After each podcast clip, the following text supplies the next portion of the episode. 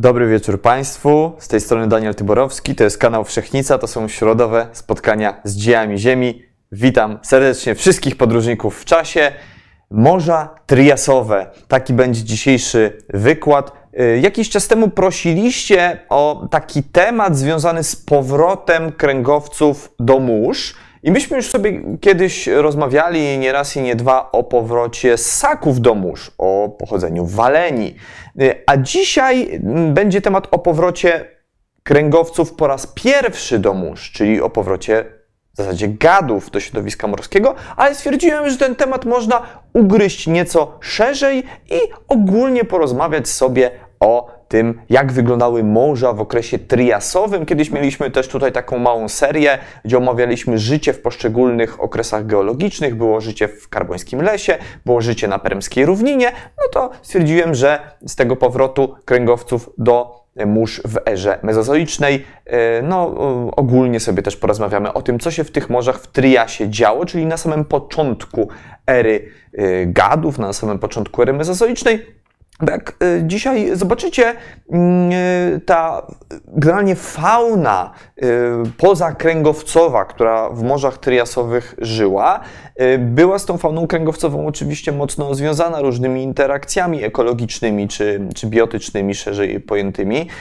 No i trias jest to też okres, kiedy fauny, zarówno morskie, jak i lądowe, odbudowują się y, po wielkim wymieraniu permskim, największym wymieraniu y, w historii biosfery, które no, przetrzebiło tutaj mm, w zasadzie wszystkie ekosystemy, zarówno morskie, jak i lądowe, więc y, te życie w morzach triasowych to będzie historia nie tylko o powrocie kręgowców do mórz, ale w ogóle o odbudowie ekosystemów, w tym wypadku morskich. Jeżeli będziecie chcieli, to kiedyś sobie może pogadamy o życiu y, na triasowych lądach. To mogłaby być taka kontynuacja, czy powiedzmy spin-off dzisiejszego wykładu, no a tymczasem właśnie życie w triasowych morzach. E, Zacznijmy od przedstawienia paleogeografii Triasu. Tutaj konkretnie mamy e, początek Triasu około 237 milionów lat temu.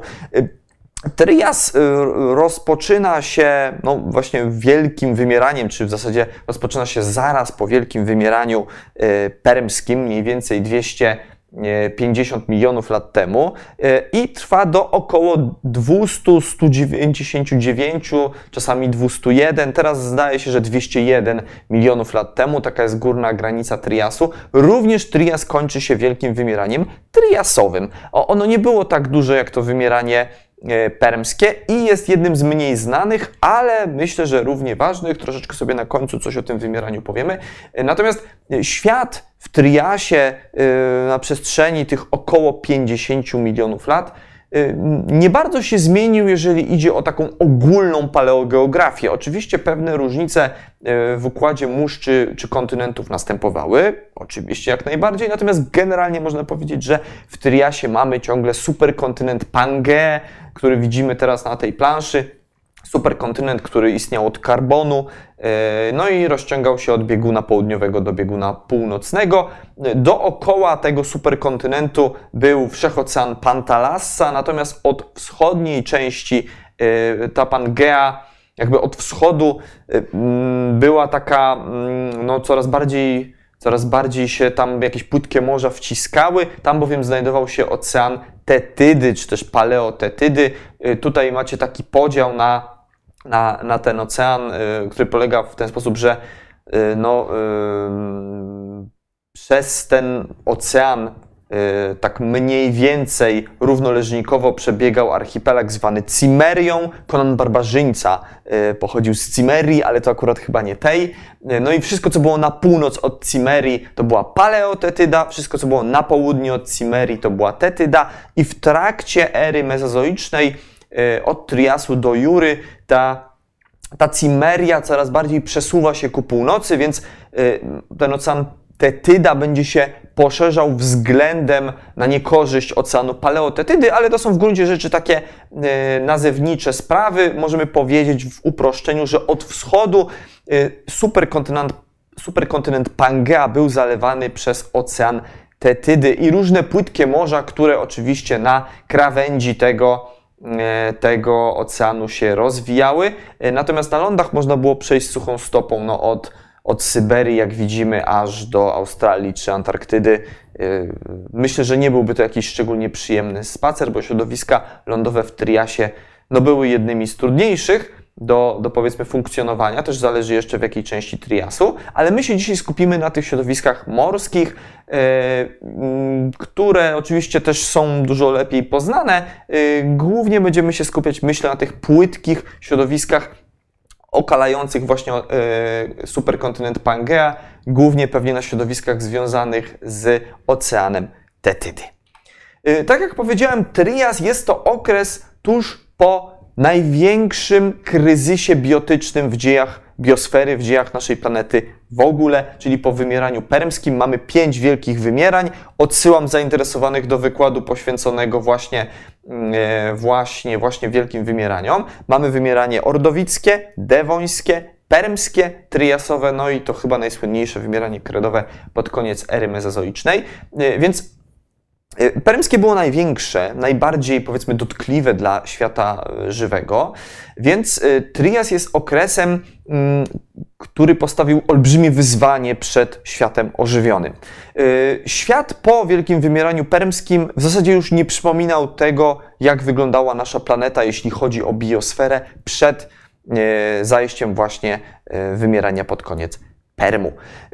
Większość takich głównych grup organizmów, czy to morskich, czy lądowych, wymarła albo w bardzo dużym stopniu ucierpiała. No i trias to jest, można powiedzieć, początek czegoś nowego. Zupełnie nowe grupy się pojawiają, albo zyskują na znaczeniu takie grupy, które istniały wcześniej w erze paleozoicznej, ale które były jakoś tam, powiedzmy sobie w uproszczeniu, grupami o w zasadzie marginalnym znaczeniu. E, jeśli idzie o te duże kręgowce morskie, którym dziś poświęcimy najwięcej czasu, to przeważnie będą to jakieś nowe grupy, nowe linie ewolucyjne. Jeśli idzie o gady morskie, no to się już pewnie domyślacie, że w zasadzie wszystkie rozpoczęły swoją karierę ewolucyjną właśnie od Triasu. Przed e, początkiem Triasu, przed wymieraniem permskim, e, w morzach dominowały takie grupy jak jak na przykład konodonty, jak y, amonity, o których też sobie dzisiaj powiemy, ale zupełnie inne amonity niż te, niż te, o których za chwilę powiemy. Z kręgowców dominowały w zasadzie ryby, głównie były to ryby chrzęsno-szkieletowe, może jeszcze nie takie prawdziwe rekiny, ale bliscy kuzyni rekinów czy chimer, E, którzy kształtem ciała trochę rekiny przypominali. E, nie było tam w zasadzie jakichś dużych gadów morskich. Gdzieś tam w Permie pojawiały się jakieś pojedyncze grupy typu mezozaury, ale to nie były jeszcze takie prawdziwie morskie gady. To był dopiero taki przedsmak, takie preludium tego, co dopiero nastąpiło właśnie w Triasie. E, więc ekosystemy triasowe, morskie ekosystemy w Triasie zupełnie nie przypominają y, tego, co było wcześniej w Permie czy w ogóle w Paleozoiku. I to zarówno jeżeli będziemy rozmawiali o tych organizmach, które pływały aktywnie w toni wodnej, o nektonie, o świecie pelagicznym, o dużych zwierzętach, dużych kręgowcach morskich, takich jak e, ryby, czy właśnie czworonogi, które tutaj przejmą palmę pierwszeństwa, jeżeli idzie o ten taki duży nekton, o tych szczytowych drapieżców, e, jak i jeśli idzie o mniejszy nekton, jakieś nektonowe bezkręgowce, ale te różnice również objawiają się w na przykład organizmach, które żyły sobie na dnie morza, między innymi również na tych, które budowały rafy, mimo że i w paleozoiku i w Triasie, e, no w późnym paleozoiku i w Triasie główni budowniczowie raf, to no, e, powiedzmy, że koralowce cały czas się gdzieś tam przewijają, jeśli idzie o budowniczych raf, no to były to zupełnie inne grupy, grupy e, tych koralowców. To nie były te same, te same formy te same formy, co właśnie przed, przed wymieraniem permskim. Więc ten świat znacząco się różnił i teraz zapraszam Was właśnie do takiej wycieczki do Triasowego Morza. Omówimy sobie najciekawsze grupy e, organizmów, które zasiedlały morza w Triasie. Oczywiście e, nie będzie tu czasu na wszystkie, ale wyłuskałem dla Was te powiedzmy najważniejsze i najciekawsze.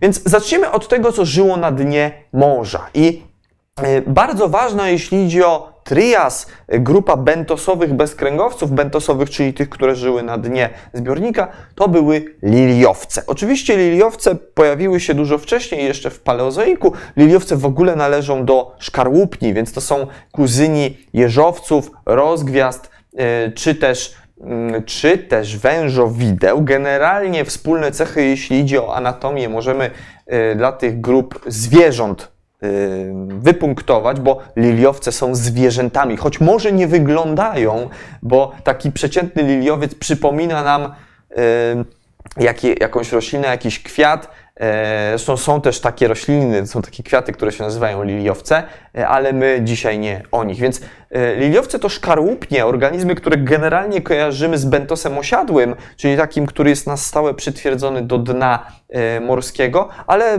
zdarzają się i takie liliowce, nawet współczesne, które są formami swobodnie żyjącymi albo potrafiącymi poruszać się za pomocą swoich, jak widzicie, długich ramion po dnie zbiornika, jak i mamy liliowce owce nektonowe, takie, które są zdolne do pływania właśnie za pomocą swoich ramion. Tak czy inaczej, Trias jest tym okresem, kiedy liliowce rozpoczęły swoją ewolucyjną ekspansję. Dzisiaj jest to też bardzo ważny składnik morskich ekosystemów, ale właśnie w Triasie rozpoczęła się ich na dobrą sprawę taka poważniejsza kariera w ekosystemach.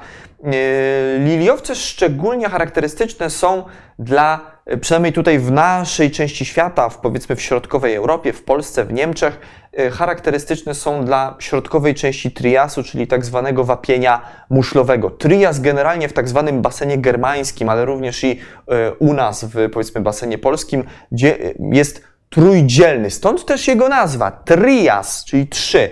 Mamy najpierw E, pstry piaskowiec, czyli takie kontynentalne utwory rzeczne, powiedzmy rzeczne, czasami pustynne. Później mamy wapień muszlowy, który jest no, skoro wapień, to już się pewnie domyślacie, że e, reprezentuje środowiska morskie i później mamy kajper, znowu jakieś takie środowiska bardziej kontynentalne, jeziorne być może, czy, czy, czy coś, coś mm, w tym rodzaju. Więc ta środkowa część triasu w naszej części świata to są ekosystemy morskie i w wapieniu muszlowym się bardzo dużo tych liliowców znajduje w różnym stanie zachowania. Bardzo popularny jest rodzaj Encrinus, który również i e, w Polsce, na Śląsku czy e, w Górach Świętokrzyskich skamieniałości takich liliowców możecie znaleźć. Niekiedy, jak widzimy, e, są one kompletne, mamy całe piękne kielichy razem z łodygami, no ale mm, liliowce mają taką budowę, że składają się, tak jak i inne szkarłupnie generalnie, z drobnych pojedynczych płytek, więc zarówno taka kolumna łodyga tego liliowca zbudowana jest z pojedynczych płyteczek, jak i ramiona też są zbudowane ramiona, cały kielich mają budowę taką płytkową. E, więc bardzo łatwo jest w przypadku liliowców o rozproszenie tego szkieletu po śmierci tego zwierzęcia. Kiedy liliowiec umrze, no to transport, działalność prądów wodnych, aktywność ścierwojadów, w zasadzie większość procesów y, zachodzących w środowisku rozłoży nam takiego liliowca w ten sposób, że on się rozpadnie, jego szkielet. Ale jak widzimy, zdarzają się i takie sytuacje, że kompletne liliowce, piękne kielichy możemy, możemy znaleźć, ale y, przeważnie wapień muszlowy, a przynajmniej większa jego część, wygląda w ten sposób, że jest to taki zlep jakichś y, składników pochodzenia biologicznego, w dużej mierze właśnie takich płytek, pojedynczych, izolowanych płytek liliowców, więc no, myślę, że nie jest to duże, duża rzadkość, jak się znajdzie w wapieniu muszlowym gdzieś w, w rejonie kieleckim czy na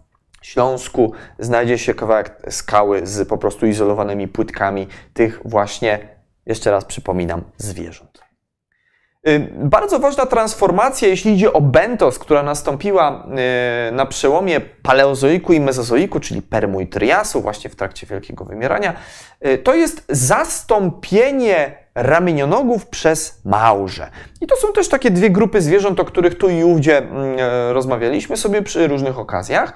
Bardzo do siebie podobne. Po lewej stronie planszy mamy E, mamy triasowe ramienionogi, natomiast, e, przepraszam, mamy triasowe małże oczywiście, natomiast po prawej mamy, e, mamy ramienionogi, mamy pokazane, jak się zmieniały ramienionogi, jeśli idzie o wielkość właśnie na granicy Permu i Triasu, więc tu już widzimy, że po pierwsze ramienionogi przetrwały wielkie wymieranie permskie, ale po drugie bardzo ucierpiały, jeżeli idzie o gabaryt. Permskie ramionogi mogły być całkiem spore rozmiarowo, no triasowe już są niewielkie, natomiast poza rozmiarami ramienionogi ucierpiały na bioróżnorodności, na różnorodności biologicznej. Y, O ile w paleozoiku generalnie ramienionogi były mm, bardzo ważnym składnikiem bentosu, od w zasadzie kambru do permu, y, wiele rzędów istniało, wiele grup, y, no to w triasie, w mezozoiku y, mamy dwie takie główne grupy. Mamy rynchonellidy y, i terebratulidy. Więc jak znajdziecie w skałach triasowych, albo jurajskich, albo kredowych, albo młodszych, kenozoicznych, jakiegoś ramienionoga, to je, w uproszczeniu teraz mówię, jeżeli będzie, e, jeżeli będzie miał w miarę gładką skorupkę, e, ale taką pofalowaną, to będzie to jakiś będzie to jakiś terebratulit, natomiast jeżeli będzie taka mocno urzeźbiona, to będzie to to będzie to e, rynchonellit, więc e, oczywiście przetrwały jeszcze inne grupy tych ramienionogów do triasu, natomiast to są te dwie takie najpopularniejsze, których skamieniałości w skałach triasowych i młodszych możecie znaleźć. E, Natomiast tak czy inaczej, no one, one zostały zepchnięte niejako e, na boczny tor. E, Prymat, jeśli idzie o takie oskorupione, filtrujące e, drobny pokarm, filtrujące substancje odżywcze stoni wodnej, zwierzęta e, e, pokryte właśnie jakąś skorupką, żyjące na dnie morza, przejęły małże. No i małże są mięczakami, ramienionogi mięczakami nie są, choć, tak jak mówię, bardzo przypominają małże. Taka główna różnica polega na tym, że ramienionogi mają skorupkę grzbietową i brzuszną, czyli górną i dolną. Natomiast Małże mają dwie boczne skorupki, lewą i prawą. E, Po tym można je e, rozpoznać. E, No ale generalnie dla takiego niewprawionego oka to są to bardzo podobne skamieniałości. I małże również istniały no, od Kambru, ale w, na dnach paleozoicznych mórz nie miały aż takiego znaczenia. One wtedy były gdzieś tam na marginesie. Palmę pierwszeństwa trzymały w paleozoiku ramienionogi, trach, wielkie wymieranie permskie, ramienionogi na boczny tor i teraz hajda dawaj, teraz małże przejmują pierwszeństwo. I tak jest, jak się pewnie domyślacie, do dzisiaj. No nad Bałtykiem znajdujemy powszechnie skorupki e, małżów, no skorupek ramienionogów raczej nie znajdziemy, bo one, tak jak mówię, tylko do pewnych wąskich ekosystemów zostały, że się tak brzydko wyrażę, zagonione. Tyle jeśli idzie o bentos. I teraz y, mm, przejdziemy sobie do nektonu, ale jeszcze pozostaniemy w świecie bezkręgowców, konkretnie tak jak w przypadku małżów, w świecie mięczaków. No, bardzo ważna grupa triasowych w ogóle organizmów, nie tylko bezkręgowców, ym, to są amonity. I, I amonity istniały od początku Devonu w zasadzie. Początek linii amonitowej, czy tej linii ewolucyjnej amonitowatych, szeroko pojętych, to jest mniej więcej 400 milionów lat temu. Trias zaczyna się powiedzmy te około, tak jak powiedziałem, 250-240 kilka milionów lat temu. Yy, Więc amonity istniały na długo przed początkiem Triasu. I yy, ci z Was, którzy mają dobrą pamięć, to pamiętają z wykładu o amonitach, że amonity dzielą się na takie trzy główne grupy. Mamy goniatyty o takiej po prostu powyginanej linii lobowej, czyli tej linii przegrodowej. E, Mamy później ceratyty i mamy amonity właściwe, które mają taką charakterystycznie postrzępioną e, linię lobową, e, o której ja zawsze mówię, że przypomina mi kolce tej klasycznej japońskiej Godzilli. I te amonity właściwe to są te, które zdominowały morza w Jurze i w Kredzie i to są te amonity, które się najczęściej, tak mi się wydaje, znajduje, które, no, o których się zwykle myśli, kiedy mamy w głowie, kiedy myślimy amonit, to mamy w głowie obraz takiego amonita jurejskiego bądź kredowego. Natomiast trias to jest okres, kiedy jeszcze y, palmę pierwszeństwa miały tutaj, jeśli idzie o fauny amonitowe, ceratyty. I tu mamy pięknie pokazaną na środku e, mm, muszlę, fragmokon takiego ceratyta, który jest wytrawiony w ten sposób, że mamy zachowane tylko właśnie linie lobowe, tylko te linie przegrodowe, tylko przegrody. Żebyśmy mogli dokładnie zobaczyć, jak ta linia ceratytowa wygląda. Ona jest taka generalnie prosta, tak jak w przypadku tej linii goniatytowej u form e, dewońskich czy karbońskich, gdzie po prostu mamy siodła i zatoki, ale po jednej stronie e, występują jeszcze takie dodatkowe ząbki. To się później jakoś tam przekształciło w tę linię amonitową, natomiast w triasie to właśnie ceratyty były tą główną grupą amonitów, yy, których skamieniałości można, możecie w skałach triasowych odnaleźć. No taki przegląd, jak to, jak to wyglądało. Yy, tutaj widzimy też na tej planszy yy, podpisa, na tej części planszy podpisaną cyferką 2, czyli na górze z prawej strony, że mamy takiego amonita i tam fragment tej linii lobowej, ceratytowej, bardzo charakterystycznej, czyli z jednej strony tylko poząbkowanej E, widzimy, bo oczywiście nie zawsze taka linia lobowa na danym okazie musi być widoczna. Więc e, amonity dobrze się miały mniej więcej od samego początku swojej ewolucji, od Devonu. E, natomiast Mezozoik to była tak naprawdę era nie tylko gadów, ale era właśnie amonitów. I mimo, że my je kojarzymy z Jurą czy z Kredą, to pamiętajcie, że już w Triasie bardzo szybko amonity zaczęły się znowu różnicować. One zostały dotknięte przez wielkie wymieranie permskie, ale nie ucierpiały na tym wymieraniu jakoś szczególnie bardzo. Yy, jeśli idzie o taki mm, nekton bezkręgowcowy permski, to możemy mówić o dwóch grupach. O właśnie amonitach i o konodontach. Konodonty, nie mam planszy o konodontach, ale konodonty też przetrwały wymieranie permskie, natomiast już po tym wymieraniu nie za dobrze się miały. I konodonty wymarły pod sam koniec triasu. Yy, mało było tych konodontów w ekosystemach triasowych straciły na tyle na różnorodności biologicznej w trakcie wymierania permskiego, że sobie po prostu później po tym wymieraniu rady nie dały. No a jeszcze wymieranie pod koniec triasu e, już zafundowało niestety konodontom całkowite wymarcie. Za monitami sprawy mają się inaczej. One troszeczkę ucierpiały na wymieraniu permskim, natomiast na tyle były mocne, że tak naprawdę dopiero to wymieranie permskie na dobrą sprawę zapewniło im rozwój i Y, przejęcie dominacji w ekosystemach morskich właśnie, y, y, właśnie w, w środowiskach no, morskich w erze mezozoicznej. I, I, to bardzo szybko po tym wymieraniu peremskim amonity zaczęły się różnicować.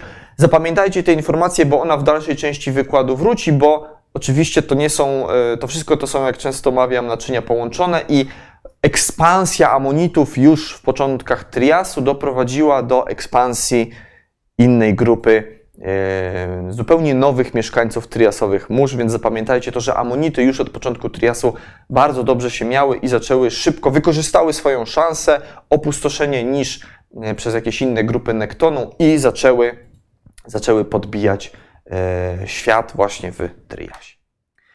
I teraz możemy sobie przejść właśnie do kręgowców. Może zanim przejdziemy, to wasze zdrówko wypijam. Pora na nawodnienie.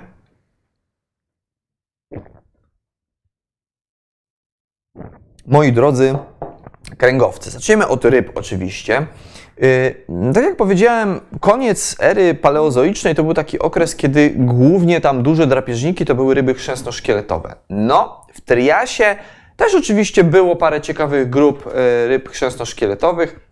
Różne ciekawe rekiny się e, pojawiają, albo podobni do rekinów kuzyni. Natomiast Trias słynie z kilku takich grup ryb kostno-szkieletowych i tutaj mamy rybę Zaurichtis. To jest taki rząd ryb Zaurichtiformes, ryby jaszczurokształtne. Rzeczywiście przypominają trochę no, gady, szczególnie myślę, że głowa takiego Zaurichtisa bardzo nam jakąś taką jaszczurę czy jakiegoś po prostu właśnie gada mm, przypomina, taka mocno wydłużona jaszczurza. Mm, ryby te w triasie były niesłychanie popularne. E, na tyle dobrze się miały, że w zasadzie zaurichtisy to są ryby kosmopolityczne w morzach triasowych. Można ich skamieniałości odnaleźć na wszystkich kontynentach i bardzo podobne formy występują i w Chinach, i w Polsce, i w Niemczech, i, i, i w jeszcze paru innych miejscach na świecie. E, ryby o takim wydłużonym planie budowy i właśnie tej części głowowej, mocno również wydłużonej, drobne, takie stożkowate zęby, kształt ciała taki bardzo torpedowaty, płetwa grzbietowa przesunięta mocno ku tyłowi. To jest cecha, która mm, już może nam świadczyć o tym, że były to jakieś sprytne, szybko pływające, takie aktywne drapieżniki. Płetwa ogonowa również taka charakterystyczna, półksiężycowata, e, z tymi symetrycznymi płatami górnym i dolnym. No, znamionuje nam to szybko pływającego drapieżnika. Skamieniałości, tak jak mówię, tych zaurychtisów znajduje się w wielu częściach świata. Mamy i takie kompletne, piękne okazy, gdzie cały ten zaurichtis jest zachowany, stąd dokładnie wiemy, jaka była anatomia tej ryby. E, I takie kompletne skamieniałości e, występują na przykład w Chinach, ale żeby nie odbiegać gdzieś do jakichś dalekich, egzotycznych e, regionów, no to również i takie ładne zaurichtisy występują u naszych sąsiadów w Niemczech, w stanowisku w Monte San Giorgio, w formacji geologicznej Bezano. Tam no, w zasadzie takie właśnie zaurichtisy można zobaczyć, ale przeważnie znajduje się jednak ich jakieś izolowane elementy, przeważnie zęby. I tutaj z prawej strony mamy zęby generalnie różnych ryb kosnoszkieletowych, triasowych. Na górze mamy zęby zaurichtisów pod A, B i C, ale generalnie widzicie, że wszystkie te zęby dzielą no, podobny, ym, podobny plan budowy, czyli to są takie y, cienkie, stożkowate ząbki, na których szczycie znajduje się tak zwana czapeczka akrodynowa. E, no, jest to taka charakterystyczna czapeczka z substancji szkliwopodobnej, zdobiącej e, czubek zęba, która jeszcze dodatkowo po bokach ma takie e, zaostrzone krawędzie zwane kilami, które po prostu no, ułatwiały tym rybom jakieś różne drapieżnicze, drapieżnicze mm, tutaj drapieżniczą aktywność, tak sobie powiedzmy. Więc w Górach Świętokrzyskich, na przykład w Triasie, e, w kawałku wapienia znowu muszlowego, zęby takich zaurychtisów to też nie jest nic jakoś szczególnie rzadkiego. Mm, tak się pisze, czy tak się sądzi, tak się pisze, że mm, zaurychtisy to była grupa, która e, była ekologicznymi odpowiednikami dzisiejszej belony. Belona to jest taka ryba, którą możecie znać i z Bałtyku, jak się gdzieś jest na wakacjach nad Bałtykiem, no i chodzimy sobie po jakimś targu rybnym, czy jesteśmy gdzieś nad jakąś E, właśnie w jakiejś miejscowości takiej, gdzie kutry rybackie są i smażalnie ryb, no to często są te ryby wyłożone, wiecie jak to wygląda mniej więcej, no i tam takie belony można sobie pooglądać, to jest całkiem spora ryba taka belona, długie, takie bardzo wydłużone, po lewej stronie mamy znowu zaurichtisy, po prawej mamy taką belonę, no widzicie, że plan budowy jest tutaj uderzająco podobny, ale to nie jest podobieństwo wynikłe z jakiegoś bliskiego pokrewieństwa tych ryb. Oczywiście jedno i drugie to są ryby kostnoszkieletowe i ryby promieniopłetwe, ale no, y, belona należy do ryb y, doskonało kostnych, to powiedzmy no, dzieli jednak spora przepaść ewolucyjna te ryby. Podobieństwo wynika z konwergencji. Zaurichtisy w Triasie zajmowały podobną niszę ekologiczną, co dzisiaj w takim, dajmy na to, Bałtyku właśnie zajmuje e, belona, więc podobny tryb życia. Widzimy, że i, i u takiej belonki płetwa grzbietowa jest mocno przesunięta ku tyłowi, e, jest symetryczna względem płetwy odbytowej. To samo jeśli idzie o dwa płaty, górny i dolny płetwy ogonowej. No więc szybkie, ścisłe drapieżniki z takimi długimi, wydłużonymi paszczami najeżonymi, ostrymi, stożkowatymi zębami, więc no, belona została wymyślona jeszcze w Triasie, z tego wynika, czy ten powiedzmy tryb życia belony, plan budowy belony został wymyślony dużo, dużo wcześniej. Belonki potem wykorzystały tylko to, co już ewolucja wymyśliła właśnie na początku ery mezozoicznej. Druga taka popularna drapieżna ryba e, triasowa to jest birgeria i tam jak pokazywałem zęby tych ryb triasowych, to tam te największe to były właśnie zęby birgerii. To jest duża ryba, która największe osobniki do dwóch metrów mogły dorastać, a tak przeciętnie yy, no ponad, ponad metrowa. Mniej więcej to był z kolei taki odpowiednik dzisiejszego tuńczyka. Widzimy, że planem budowy też do takiego tuńczyka jest zbliżona, bardziej masywna ryba, duża głowa, tempo zakończona, potężne takie szczęki. Absolutnie ręki bym do tej birgerii nie, nie wyciągał. E, bardziej taka obła, e, ale również myślę, że szybka, ścigła ryba, właśnie coś na kształt dzisiejszego tuńczyka, również z tuńczykiem niespokrewniona jakoś szczególnie blisko, całkowicie wymarła. E, to jest po prostu podobieństwo wynikłe z konwergencji, czyli z życia w podobnych ekosystemach, zajmowania podobnych niż ekologiczny. Duży drapieżnik, chyba z ryb kostno-szkieletowych to Birgeria w Triasie, to by był największy drapieżnik, największe, co by się dało u kostno-szkieletowych wtedy wycisnąć. E, ale w triasie pojawiają się również wśród ryb kostno-szkieletowych durofagi, czyli takie ryby, które odżywiały się twardym pokarmem i tutaj między innymi bardzo ważny rodzaj to jest Boba satrania. To jest w ogóle ryba, która jeszcze swoje korzenie ewolucyjne miała w Permie i pokazuję Wam tę rybę jako przykład takiego rodzaju zwierzęcia, organizmu, które przetrwało wymieranie permskie. E, Boba Satrania żyła w Permie i żyła w Triasie. E, na tyle miała, e, powiedzmy, była dobrze tutaj, dobrze się jej wiodło, na tyle, powiedzmy, nie ucierpiała w tym wymieraniu permskim, że dotrwała do Triasu. Po planie budowy widzimy, że to już jest ryba, która może nie była jakaś szczególnie szybka i zwrotna, tak jak Zaurichtisy na przykład, ale, yy, znaczy może nie była tak szybka i ścigła, ale zdecydowanie była właśnie zwrotna, bo yy, krótkie ciało, takie mocno wygrzbiecone, ale płetwa ogonowa też taka symetryczna z wydłużonymi płatami, to nam znamionuje to, że ta ryba być może w jakichś ławicach pływała sobie spokojnie, ale była zdolna do gwałtownego, e, do gwałtownej zmiany kierunku płynięcia, co jest przydatne, jeżeli chce się uniknąć drapieżników. No i e, jakbyśmy sobie bliżej aparat szczękowy tej ryby obejrzeli, to szybko zobaczymy, że e, były tam płaskie, takie guzikowate ząbki, przypominające właśnie powiedzmy żwir, czy jakieś takie płaskie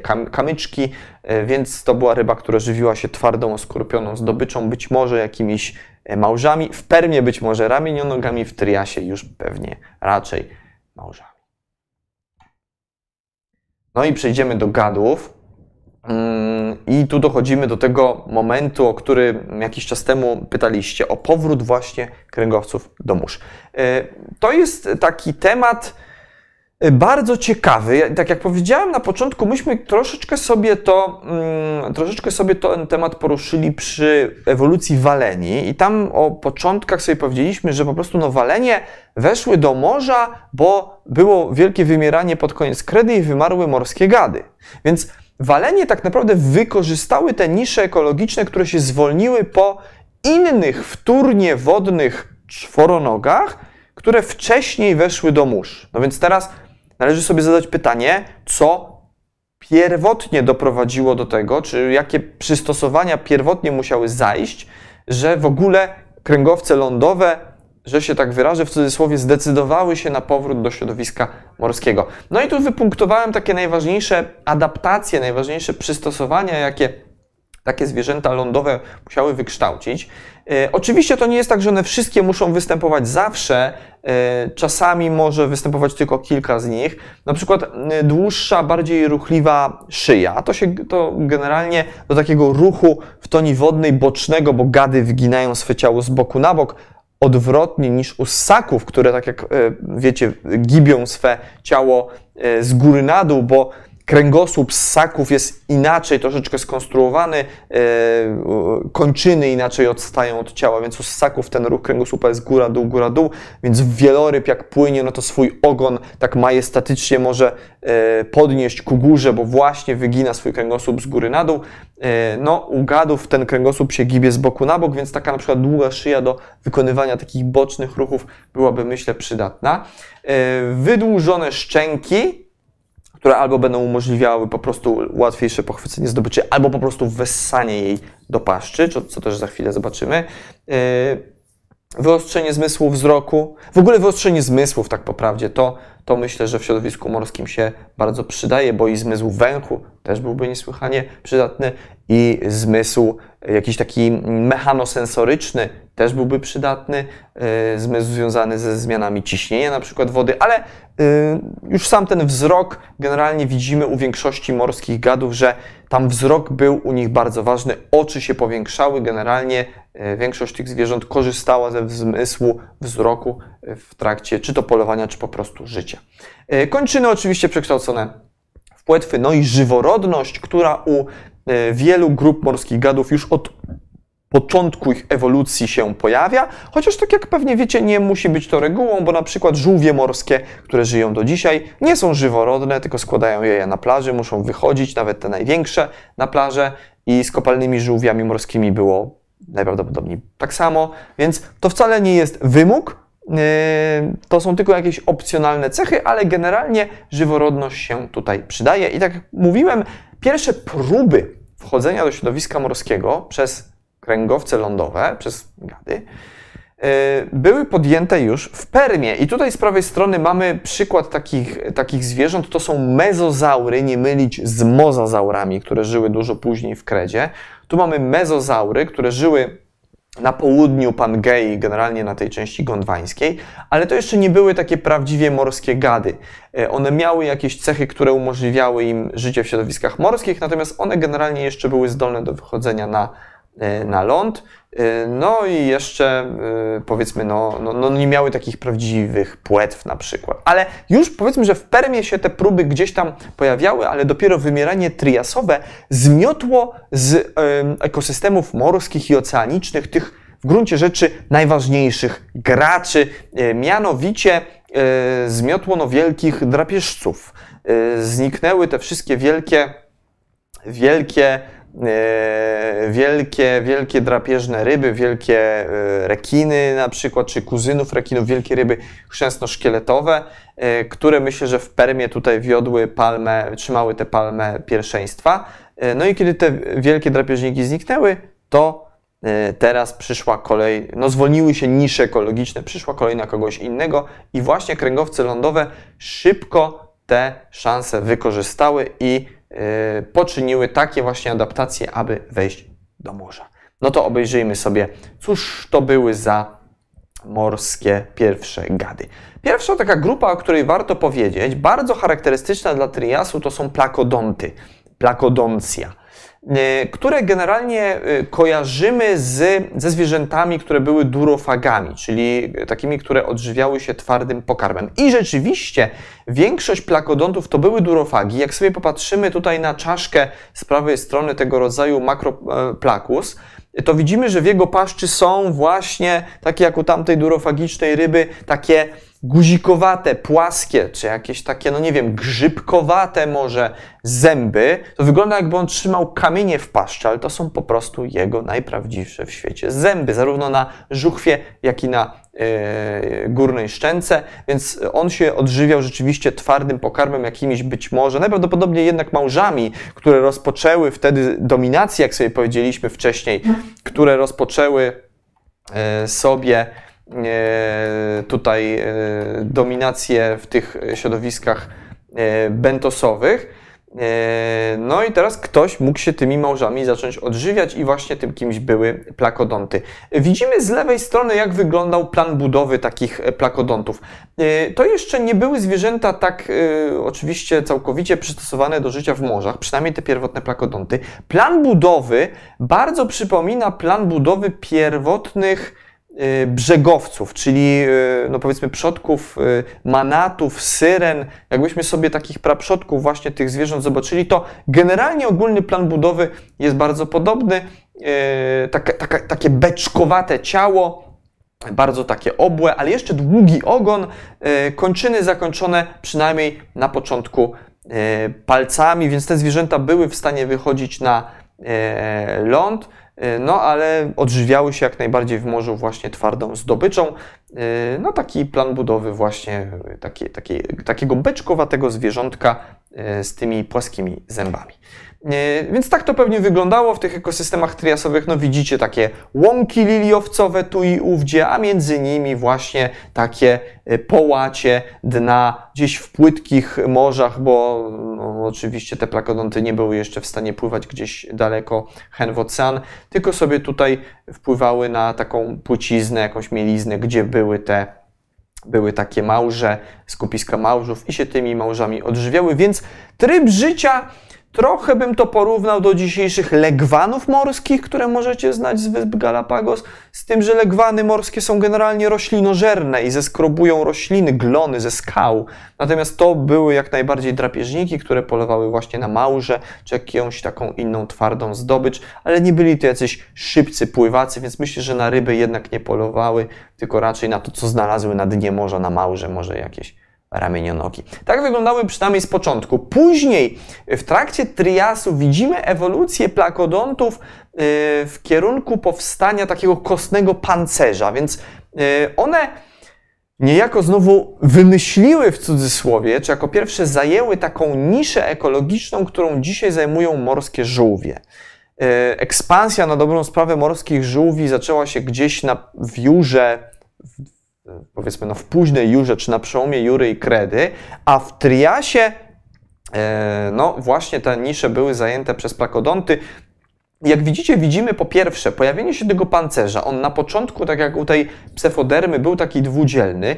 Później, jak u tego rodzaju mm, e, plakochelis, to już jest taki pancerz, e, no, e, powiedzmy jedna taka duża przestrzeń tego pancerza na grzbiecie.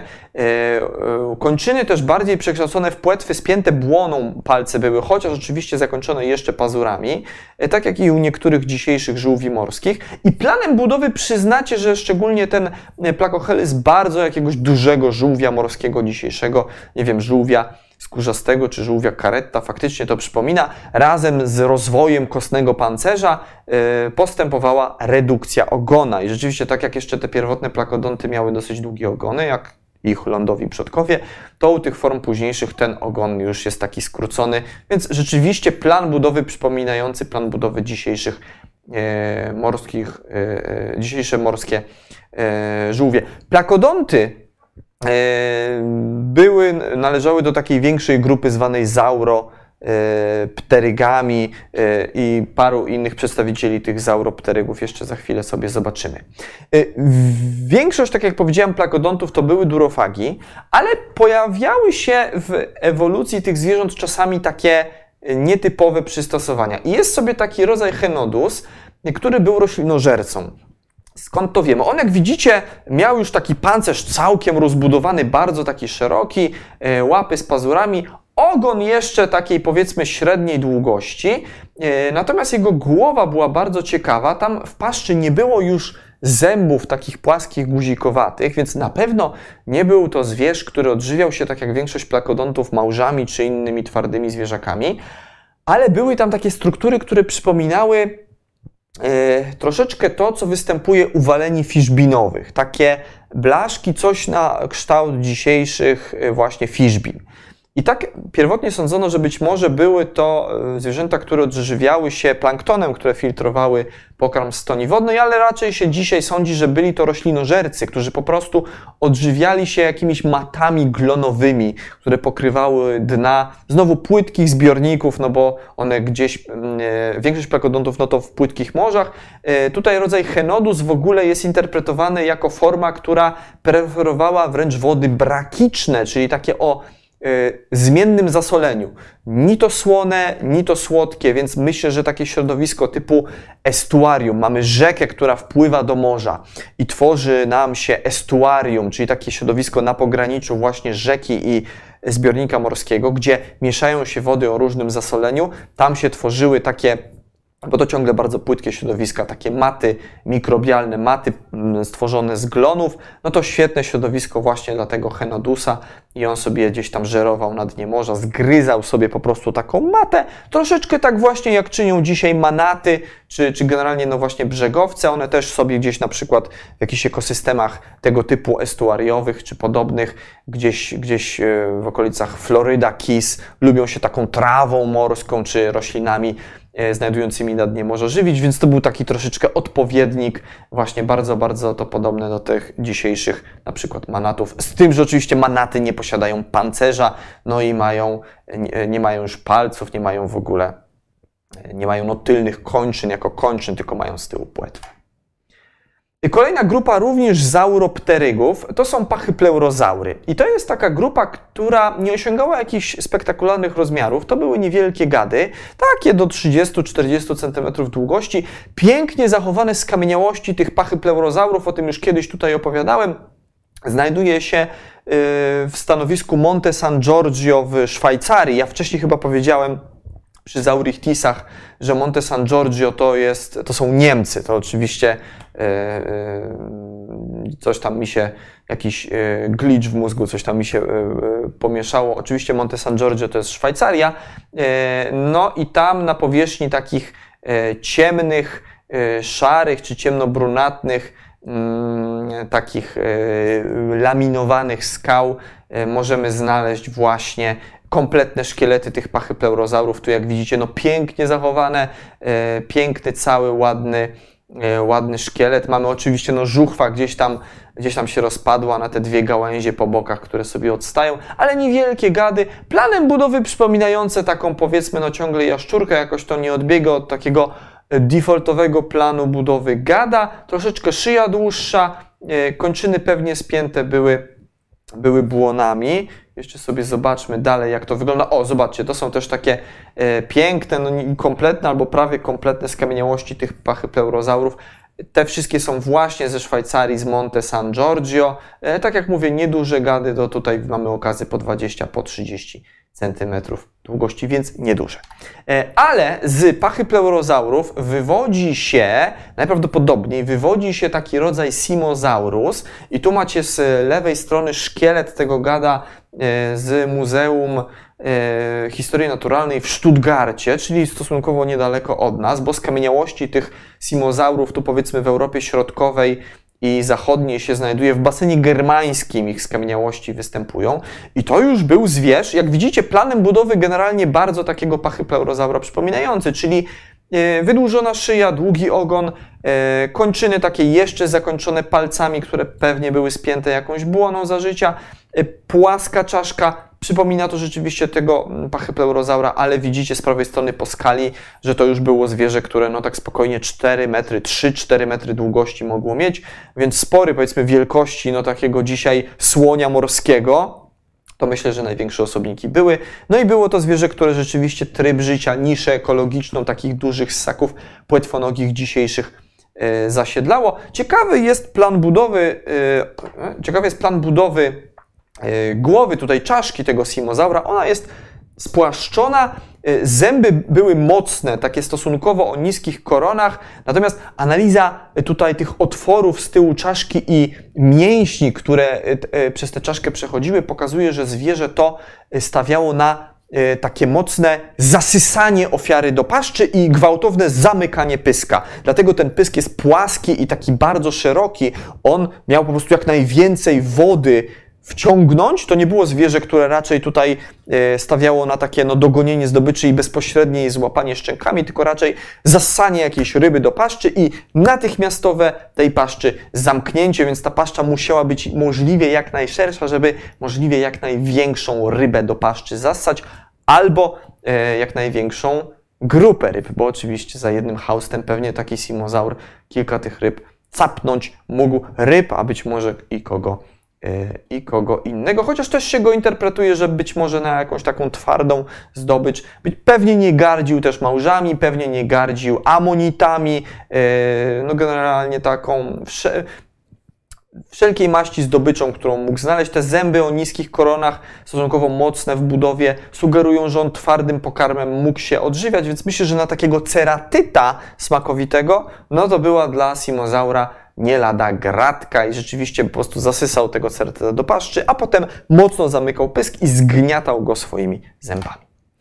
Bardzo podobny do pachypleurozaurów i do tego, e, do tego e, ich kuzyna e, były notozaury. I to jest taka grupa bardzo też dla triasu charakterystyczna, również należąca do zauropterygów, więc plan budowy, jak widzicie, bardzo podobny. Wydłużona szyja, wydłużony ogon, płaskie kończyny, palce złączone błoną, chociaż jeszcze, jeszcze no były wyindywidualizowane palce zakończone pazurami, e, czaszki płaskie, jak widzimy potężne takie otwory skroniowe z tyłu czaszki, te mniejsze otwory, które widzimy e, na zdjęciu szkieletu z prawej strony, Mniejsze, mniejsze, takie bardziej owalne otwory to są oczodoły, natomiast te takie duże otwory z tyłu czaszki, te otwory takie wydłużone to są tak zwane okna skroniowe, przez które właśnie potężne mięśnie operujące paszczą, czy operujące w ogóle czaszką wchodziły. I to też były zwierzęta takie po 3, po 4 metry długości, więc ekwiwalent rzeczywiście dzisiejszych ssaków płetwonogich. Można powiedzieć, że to był taki etap ewolucji, e, kiedy dopiero te zwierzęta się przystosowywały do życia w morzach. One były w stanie wychodzić na brzeg, e, tak jak dzisiaj robią foki, tak jak robią uchatki, tak jak robią właśnie e, wspomniane przeze mnie słonie morskie. Ale również pływały, odżywiały się w morzu, więc no, w zasadzie możemy powiedzieć, że dzisiaj ssaki płetwonogie, foki, uchatki, słonie morskie, morsy, amfitryty lamparcie, czyli znane szerzej jako, jako, jako lamparty morskie, e, no to też jest taki etap ewolucji, kiedy te zwierzęta się dopiero przystosowują do życia w morzach. Więc być może, jeżeli przetrwają najbliższe kilka, może kilkanaście milionów lat, to powstaną z nich jakieś wielkie stwory morskie całkowicie przystosowane do życia w morzach, kto wie, być może tak będzie. Tu jeszcze notozaury właśnie też w triasie, bo one też charakterystyczne są dla triasu, później już nie występują. E, no, e, to były takie zwierzęta przejściowych, przejściowych środowisk. Widzimy, że ta wydłużona szyja pozwalała im wydłużony ogon się tak charakterystycznie gibać na boki. Ich skamieniałości, czy to w triasie Śląska, czy w triasie właśnie w wapieniu muszlowym gór świętokrzyskich się znajduje. Ja sam znam parę takich dziur e, pod e, chęcinami, gdzie kręgi, zęby, czy jakieś fragmenty czaszek, czy, czy kości kończyn e, tych notozaurów, to nie jest jakaś znowu wielka rzadkość. Z tymi notozaurami wiąże się taka ciekawa sprawa, że mamy ich zachowane skamieniałości śladowe, czyli no ślady, tropy, tak powinniśmy chyba powiedzieć. I to są ślady znane z Chin, E, no, ślady wyglądają tak, jak mamy tu pokazane po lewej stronie. Jak ja tutaj czasem Wam opowiadam o skamieniałościach śladowych, no to pewnie się domyślacie, jak te skamieniałości wyglądają. No są to takie po prostu, jak widzimy, hmm, wydłużone, eliptyczne, E, dołki w skale, więc myślę, że dla niewprawionego oka to są po prostu jakieś takie, no, to jest jakiś kawałek, wiecie, skały, kamienia, w którym jest dołek, nic charakterystycznego. No ale tutaj paleontolog, myślę, że szczególnie ichnolog, czyli taki paleontolog, który się tropami, skamieniałościami śladowymi pozostałościami po działalności życiowej różnych wymarłych stworów zajmuje, natychmiast rozpozna, że to są ślady rzeczywiście po jakby płetwie. I co ciekawe, udało się na podstawie morfologii, geometrii i układu całych takich szlaków e, pozostawionych właśnie przez te zwierzęta, a dopasowano, że tutaj no taka płetewka e, notozaura do tego pasuje najlepiej, udało się zrekonstruować jak wyglądało pozostawienie tych śladów w osadzie. Więc to było zwierzę, które sobie płynęło w ten sposób, o tak jak tutaj jest na załączonym obrazku. Płytki jakiś zbiornik gdzieś między jakimiś kępkami raf najprawdopodobniej. No i ten notozaur mm, odpychał się od dna przednimi kończynami, przednimi, no jeszcze może nie do końca płetwami, ale tymi przednimi łapami. Natomiast tylne kończyny były razem z resztą kręgosłupa z ogonem uniesione, czyli tylnymi nie dotykał dna, tylko przednimi. I się tak po prostu odpychał.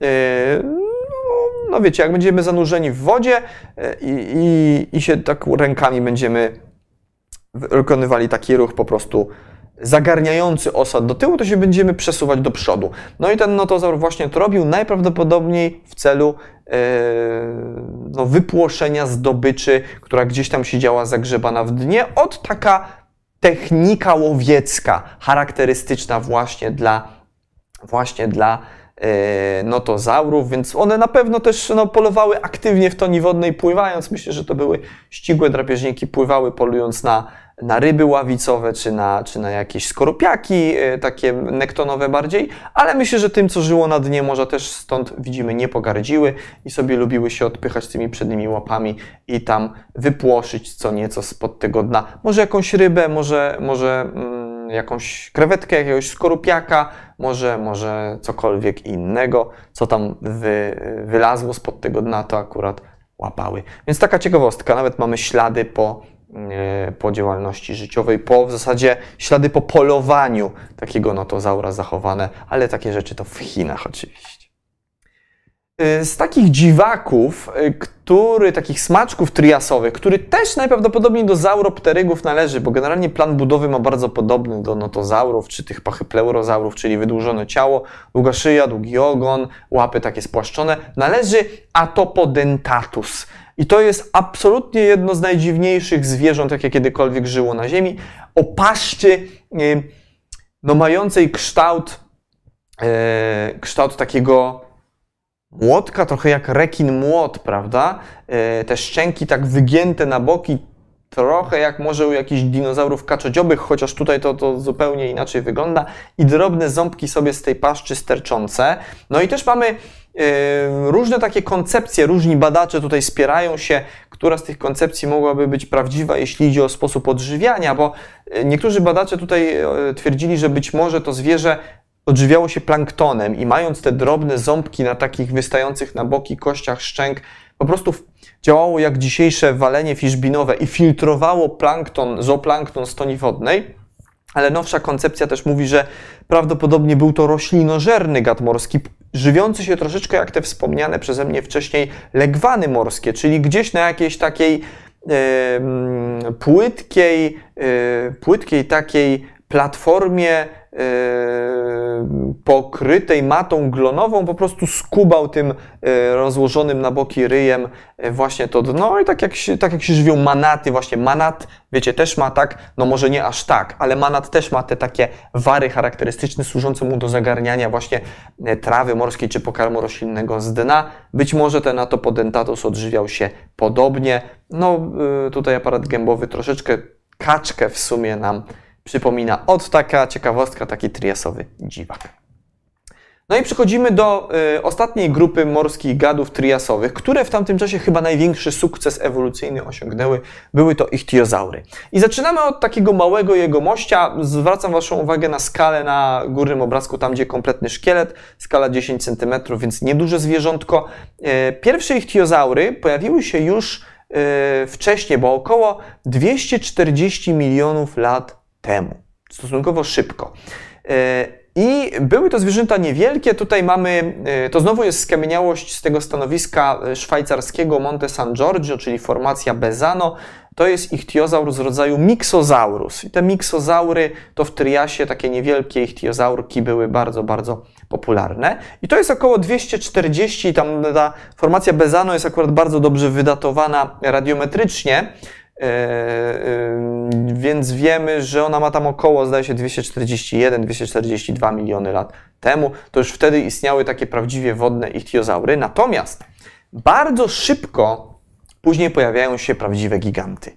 I Trias to rzeczywiście był czas ichtiozaurów. E, tutaj z zeszłego roku opisany Cymbospondylus, no rodzaj Cymnospondylus był znany wcześniej, ale w zeszłym roku był opisany gatunek e, Cymbospondylus yangorum, e, prawdziwy olbrzym. Zobaczcie z prawej strony czaszka, czy to jest w zasadzie rekonstrukcja czaszki tego, tego cymbospondyla, no, większa niż nie jeden facet, tak jak tutaj widzimy, niż, niż nie jeden dorosły człowiek, a obok mamy czaszkę no, jakiegoś walenia. Zdaje się, że jakiegoś fiszbinowca, być może jakiegoś E, Sejwala, być może, być może jakiegoś humbaka, jakiegoś na pewno wala e, płetwalowatego, e, no to wiemy, że to są olbrzymie zwierzęta, które mają po po 10-12 humbaki, tak mają po 10-12 metrów długości, a tu mamy czaszkę, która jest dużo, dużo większa. Cymnospondyl jest ichtiozaurem, choć może nie wygląda. My plan budowy ichtiozaura, no to kojarzymy z tym, że musi być e, Tutaj już nie będzie takiego spłaszczonego grzbietu brzusznie zwierzęcia, ale raczej e, ta, takie ciało wydłużone, e, kończyny oczywiście przekształcone w płetwy, ale pionowa płetwa grzbietowa i płetwa ogonowa, taka rybia z górnym i dolnym płatem. W triasie u tych, w większości tych form jeszcze nie ma o tym mowy. Tu widzimy, że cymnospondyl planem budowy przypomina jakiegoś y, mozazaura, czyli to jest taki no w zasadzie po prostu jaszczur z kończynami przekształconymi w płetwy, z długim ogonem, jeszcze bez tej charakterystycznie zaznaczonej płetwy ogonowej. Nie ma płetwy grzbietowej, tak jak powiedziałem, więc albo to nam przypomina y, kredowe mozazaury, które z ichtiozaurami nie mają nic wspólnego, albo wręcz tutaj no, e, na myśl przychodzą nam pierwotne walenie e, archeocetii, na przykład słynne bazylozaury, czyli jedne z pierwszych waleni, już takich prawdziwych waleni eoceńskich sprzed około 30 kilku, 40 milionów lat. Więc widzimy, że w ewolucji no, wszystko się powtarza. Generalnie taki pierwotny plan budowy wielkiego morskiego drapieżnika, czy to będzie ichtiozaur, czy to będzie mozazaur, czy to będzie waleń, to jest po prostu wydłużone cielsko, kończyny przekształcone w płetwy i tyle. I Potem w tym planie budowy możemy rzeźbić, dodawać tam płetwę grzbietową, dodawać jakąś wykształconą płetwę ogonową, redukować kończyny, bawić się w różne rzeczy, ale ten plan budowy jest, jest podobny. Y, I co ciekawe, no, cymnospondyl, y, te duże, on, one mogły osiągać do nawet 17-18 metrów długości, tak się szacuje, więc olbrzymie zwierzęta, wielkie, tak jak no, największe dzisiejsze walenie, ale co ciekawe, okazuje się, że ichtiozaurom, i to jest, to jest niesamowita rzecz, która odróżnia ichtiozaury od waleni, ichtiozaurom zajęło dużo mniej czasu na opanowanie ekosystemów morskich i stanie się tymi wielkimi, szczytowymi drapieżnikami morskimi.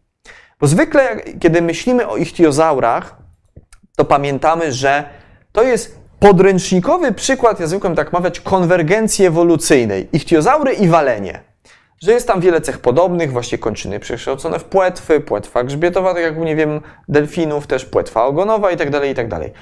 Ale trzeba zdać sobie sprawę, że ichtiozaurom stanie się tymi morskimi królami oceanów zajęło dużo mniej czasu niż waleniom. Pierwsze duże walenie to wspomniane przeze mnie bazylozaury, które żyły powiedzmy te 35-36 E, milionów lat temu, e, czyli mniej więcej 10, 14, 10, kilkanaście milionów lat po pojawieniu się pierwszych waleni. Pierwszych takich prawdziwie wodnych waleni. Pierwsze, e, te, te, ten Cymnospondylus pojawił się 3 miliony lat po pojawieniu się najstarszych pierwszych ichtiozaurów. Czyli ichtiozaurom zajęło 3 miliony lat to, co waleniom zajęło przynajmniej 10, a na dobrą sprawę kilkanaście milionów lat.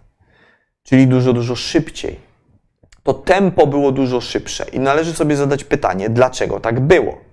Y, oceany na początku Triasu wyglądały zupełnie inaczej niż oceany na początku Kenozoiku po wymieraniu kredowym. W Kenozoiku były one jednak niesłychanie takie żyzne, szczególnie w tej dalszej części. No, powiedziałem, o, że pierwsze takie wielkie walenie to były bazylozaury, ale tak po prawdzie epoka wielkich waleni zaczęła się stosunkowo niedawno. Mniej więcej zaraz przed epoką zlodowaceń zaczęły się pojawiać gdzieś tam w miocenie takie duże walenie, e, a wielkie fiszbinowce to to jest dopiero historia ostatnich paru milionów lat na dobrą sprawę, więc niesłychanie, niesłychanie młoda ewolucyjnie historia. Dlaczego dopiero teraz walenie takie duże duże rozmiary zaczęły osiągać, no bo przystosowały się dopiero teraz do warunków dzisiejszych mórz, e, jakimi było pojawienie się takich wysokoproduktywnych ekosystemów, w których by występowały chmury zooplanktonu, który unosi się e, blisko tafli wody. Gdzie takie ekosystemy występują dzisiaj i no, no, no powiedzmy, gdzie zaczęły się pojawiać w ostatniej historii geologicznej, ano na przykład w okolicach Antarktydy. Tam, gdzie pojawiła się konwergencja antarktyczna, kiedy po prostu Antarktyda zaczęła być izolowana od innych lądów, tam ekosystemy stały się niesłychanie żyzne. Morza wokół Antarktydy, mimo że nam się mogą kojarzyć z tym, że są bardzo zimne i niegościnne, to tam jest te, te, te morza tętnią życiem i taki zooplankton tam się unosi no, w olbrzymich ilościach tego zooplanktonu. Tam jest całe takie chmury tego zooplanktonu występują i tam takie walenie fiszbinowe mogą cały czas się tymi, tym planktonem odżywiać, e, więc mogły zacząć osiągać olbrzymie rozmiary. No ale to jest historia, tak jak mówię, ostatnich kilku milionów lat. Wielkie ichtiozaury pojawiły się 3 miliony lat po pojawieniu się ichtiozaurów w ogóle. Dlaczego? Nie było prawdopodobnie wtedy jeszcze na początku triasu takich wielkich chmur planktonu, a ichtiozaury też planktonem się raczej nie, ży nie żywiły. To były zdecydowanie makrodrapieżniki. One polowały na inne duże zwierzęta wodne, więc to raczej taki e, cymbospondylus jest ekwiwalentem dzisiejszego kaszalota, który jest zębowcem i poluje na inne duże zwierzęta, czy ekwiwalentem orki niż płetwala błękitnego. No, więc musiały polować na inne duże zwierzęta. I tu wracamy do początku wykładu, kiedy powiedziałem o amonitach o tym, że wymieranie permskie nie dotknęło amonitów jakoś bardzo i że one już na początku triasu zaczęły niesłychanie zdobywać środowiska morskie. Amonity od początku triasu były bardzo zróżnicowane, więc stanowiły łakomy kąsek, łatwą zdobycz dla jakichś wielkich drapieżników. Więc najprawdopodobniej właśnie dzięki wczesnej ekspansji amonitów, ceratytów dokładnie, rozpoczęła się ekspansja wielkich, drapieżnych ichtiozaurów, więc możemy powiedzieć, że zawdzięczamy właśnie amonitom obecność takich wielkich, y, potężnych morskich drapieżników tak wcześnie, bardzo szybko. 3 miliony lat, to nam się wydaje, że to jest dużo, ale już pewnie jesteście przyzwyczajeni na naszych wykładach do tego, że w skali ewolucji, w skali czasu geologicznego 3 miliony lat to jest w gruncie rzeczy mgnienie geologicznych powiek. To jest dla ewolucji bardzo, bardzo mało czasu, a tu ichtiozaurom udało się taki niesłychany sukces ewolucyjny w tak krótkim czasie yy, osiągnąć. Cymnospondylus nie był jedynym takim wielkim e, drapieżnikiem triasowym. Jest jeszcze Taratoarchon, to jest z kolei taki duży, no już może nie miał kilkunastu metrów, ale tak 7-8, no to też całkiem spory. I to jest ten ichtiozaur. Plan budowy też widzicie. Nie przypomina to planu budowy takiego typowego ichtiozaura, o którym myślimy. Nie ma płetwy grzbietowej. Ta płetwa ogonowa to tutaj w ogóle też nie przypomina tego, z czym kojarzymy ichtiozaury. Bardziej jakiś mozazaur, bardziej bym nawet zaryzykował, że jakiś e, właśnie bazylozaur może, czyli jakiś ssak morski niż, e, niż ichtiozaur. I e, Talatoarchon, nazwa zresztą taka bardzo górnolotna, bo E, Tallatos to jest ocean, Archos to jest rządzić, królować, więc Tallato Archon to jest król, władca oceanu i to jest z kolei ten ichtiozaur, który miał największą czaszkę w stosunku do rozmiarów całego ciała. E, no i w ogóle te wielkie ichtiozaury triasowe to były największe zwierzęta, jakie do tego momentu, kiedy istniały, czyli powiedzmy do początków triasu, jakie w ogóle istniały do tej pory na Ziemi. Później oczywiście powstały większe zwierzęta, nawet na lądzie, ale, ale e, do tego momentu, jakbyśmy się cofnęli do tego triasu, to te wielkie ichthiozaury były największymi zwierzętami, konkretnie ten Cymbospondylus jangorum był największym zwierzęciem, jakie do tej pory w ogóle istniało na naszej planecie. E, no i tutaj jeszcze taka ciekawostka, no to też jest e, sprzed dwóch lat historia. U ichtiozaurów tych triasowych występowało zjawisko megadrapieżnictwa. One nie tylko żywiły się dużymi ofiarami jak te amonity, ale potrafiły zapolować również na większego zwierza, na jakiegoś innego gada morskiego. I tu mamy przykład, jak się pewnie domyślacie, oczywiście z Chin. Jest taka, e, taka wielka płyta, na której został znaleziony e, przedstawiciel rodzaju Gui, Guizu ichthyosaurus, który ma 5 metrów długości i on e, w paszczy, no jakby w środku w sobie ma zachowanego mniejszego gada morskiego, który ma 4 metry długości. E, czyli 5-metrowy gad zeżar gada, który miał 4 metry długości bardzo żarłoczny, bardzo jakiś taki no, łapczywy, łapczywy zwierz. Kto wie, czy to się nie przyczyniło do jego e, śmierci. W środku została taka właśnie treść żołądkowa znaleziona, e, więc no, innego wielkiego zwierza tak w całości pożreć to, to, to, to ja dziękuję. E, no ale jak widać tutaj te ichtiozaury, przynajmniej triasowe, były do tego zdolne, więc amonitom pewnie zawdzięczały swój niesłychany sukces ewolucyjny, ale i nie pogardziły większą ofiarą, nawet prawie tak dużą jak one same. No i na zakończenie, moi drodzy, taki slajd, który nam to jakoś podsumuje, przynajmniej jeśli idzie o te fauny takich właśnie kręgowców wodnych, tych nektonowych stworów. E, granica, ta linia pionowa to jest granica między wczesnym a środkowym triasem, bo to jest ta granica magiczna, w której najwięcej się działo w trakcie triasu. Widzimy, że we wczesnym triasie dominują nam grupy takie jak, no takie, które No jeszcze też się troszeczkę z paleozoikiem w środowiskach morskich kojarzą, o których dzisiaj sobie nie mówiliśmy, bo pod dwójeczką mamy takie, taką rybę chrzęsno-szkieletową, kuzyna e, rekinów. E, to jest rodzaj fadenia, jeszcze z taką charakterystyczną wielką spiralą zębową na żuchwie. To takie ryby chrzęsno-szkieletowe to w karbonie i w permie dominowały. Wtedy wielkie rozmiary osiągały, w triasie może nie aż tak duże, ale istniały. Jeśli idzie o, zwróćcie uwagę, durofagów, tą faunę, która się odżywiała na dnie morza, to mamy jakieś te ryby kostno-szkieletowe, ale mamy też rekiny, mamy też ryby e, mięśniopłetwe, tutaj konkretnie celakanty, e, mamy w toni wodnej e, nawet jakieś płazy, temnospondyle, o których też sobie kiedyś mówiliśmy na wykładzie. Natomiast od środkowego triasu już nam wchodzą ci tacy duzi gracze, jak właśnie wielkie ichtiozaury, pod piętnastką to jest jakiś jakiś wielki ichtiozaur, albo, e, albo ten mm, e, Cymbospondylus, albo może to Talatoarchon, albo ktoś podobny. Pe pewnie myślę, że to jest chyba raczej ten Cymnospondylus, tak wygląda. E, jeśli idzie o durofagów, czyli tę faunę, która się odżywiała na dnie, no to pod osiemnastką mamy oczywiście jakiegoś plakodonta. Mamy te zaurichtisy pod trójeczką, mamy notozaury, mamy pod szóstką tą birgenię, czyli tą wielką rybę przypominającą tuńczyka. No pod jedenastką mamy jeszcze z długą szyją, to jest Tanys trofeus, o tym gadzie akurat dzisiaj nie mówiliśmy, ale on też jest bardzo, bardzo ciekawy, więc mniej więcej na granicy wczesnego i środkowego triasu, na dobrą sprawę zachodzi ta główna przemiana. Ostatecznie te grupy paleozoiczne odchodzą sobie w niepamięć, jeśli idzie przynajmniej o kręgowco-fauny nektonowe, a palmę pierwszeństwa przejmują właśnie ichtiozaury, przejmują notozaury, przejmują y, wielkie ryby kostno-szkieletowe, y, więc myślę, że to jakoś nam uświadamia, y, no, że mimo tego wielkiego wymierania permskiego, Trias jest w pewnym sensie takim okresem przemiany faun. Ostatecznie odchodzą nam te fauny paleozoiczne, a, a e, rozpoczyna się żywot tych już faun mezozoicznych, które później w mezozoiku będą nam tutaj dominować. I to jest tyle ode mnie, moi drodzy. Teraz chętnie sobie z Wami podyskutuję. Wasze zdrówko jeszcze strasznie długo dzisiaj gadałem. Dłuższy wykład wyszedł. Zobaczymy, co tam pisaliście na czacie.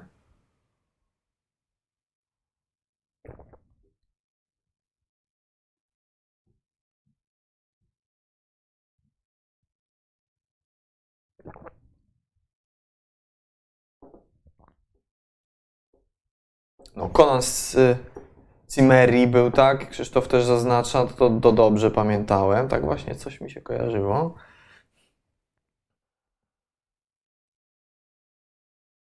Jak pan zapatruje się na nowy serial Prehistoric Planet, zapowiadany na jednej z platform streamingowych? Rozumiem, że wszyscy tutaj czekamy na nowy mm, świat jurajski Jurassic World. Bartosz Sieracki pyta. Widziałem te zwiastuny Prehistoric Planet i powiem wam tak.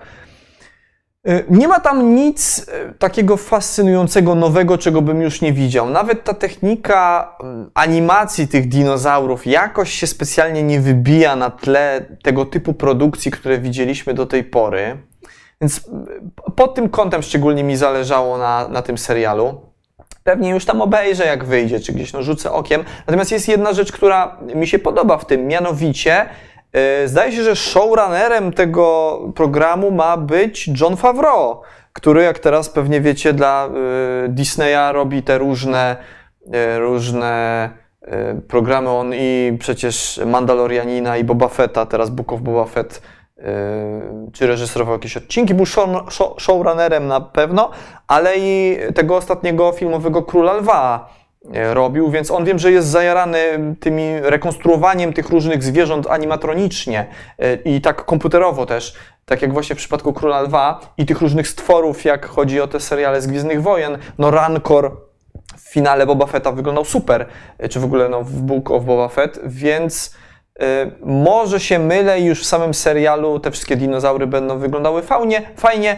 Y, skoro to jest Prehistoric Planet, to jednak chciałbym, żeby w tym serialu naprawdę było Prehistoric Planet, czyli generalnie, żebyśmy zobaczyli planetę naszą w przyszłości, prehistoryczną planetę w różnych cięciach czasowych, a nie tylko dinozaury. A jednak po tych zwiastunach wynika z tego, że tam będą głównie dinozaury i to znowu takie generyczne, typu tyranozaur, typu jakieś tam takie, wiecie, najbardziej znane. chciałbym jednak zobaczyć coś innego. Niech, niech pokażą mi też paleozoik, niech pokażą mi kenozoik, a jak pokazują mezozoik, to niech pokażą też inne rzeczy, a nie tylko dinozaury. E, no ale myślę, cały czas wiecie, trzymam kciuki, na pewno rzucę okiem, nie jaram się jakoś super, nie obiecuję sobie za dużo po tym, ale e, mówię, rzucę okiem, ale mam gdzieś tam z tyłu głowy, trochę się boję, że, że to znowu zwalą i będzie tylko, tylko dinozaury i to takie, co już widziałem, ale z drugiej strony pamiętam, mam z tyłu głowy, że trzeba jakoś ten serial wypromować dla takiego, wiecie, szerszego widza, a nie tylko dla Tyborowskiego, który będzie chciał zobaczyć prehistoryczne stwory biegające na ekranie, e, więc myślę, że to może być taki chwyt marketingowy. Pokazują nam tyranozaura, jak ryczy i tam, nie wiem, pływa ze swoim dzieckiem w morzu czy coś. E, może to być po prostu reklama, wiecie, nie pokazują nam najważniejszych postaci, które się pokażą.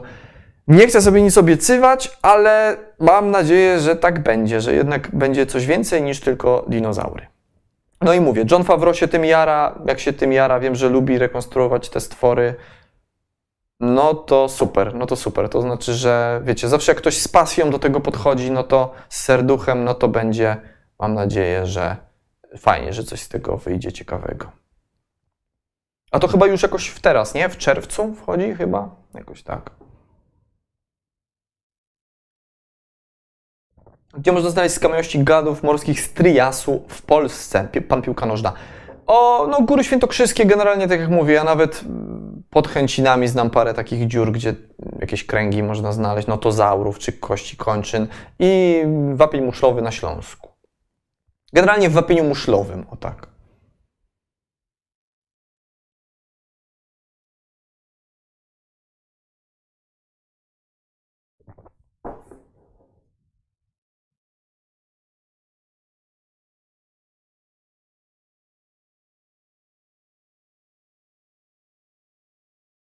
Czy fauna i flora triasu byłaby zjadliwa i wystarczająca dla człowieków. No ciekawe, ciekawe. No jakaś rybka myślę, że byłaby dobra, tak jak belonki. Belonki to dobre są w smaku.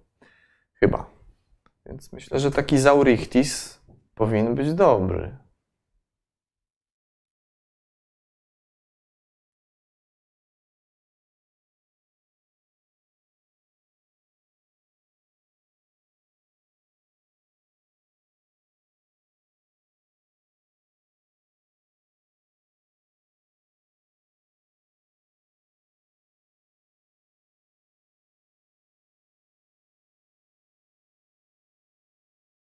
Boba Satrania trochę jak taka flądra, kawa z mlekiem. Trochę tak, ale to jest taki plan budowy, ja bym bardziej porównał do takiej rybki rafowej.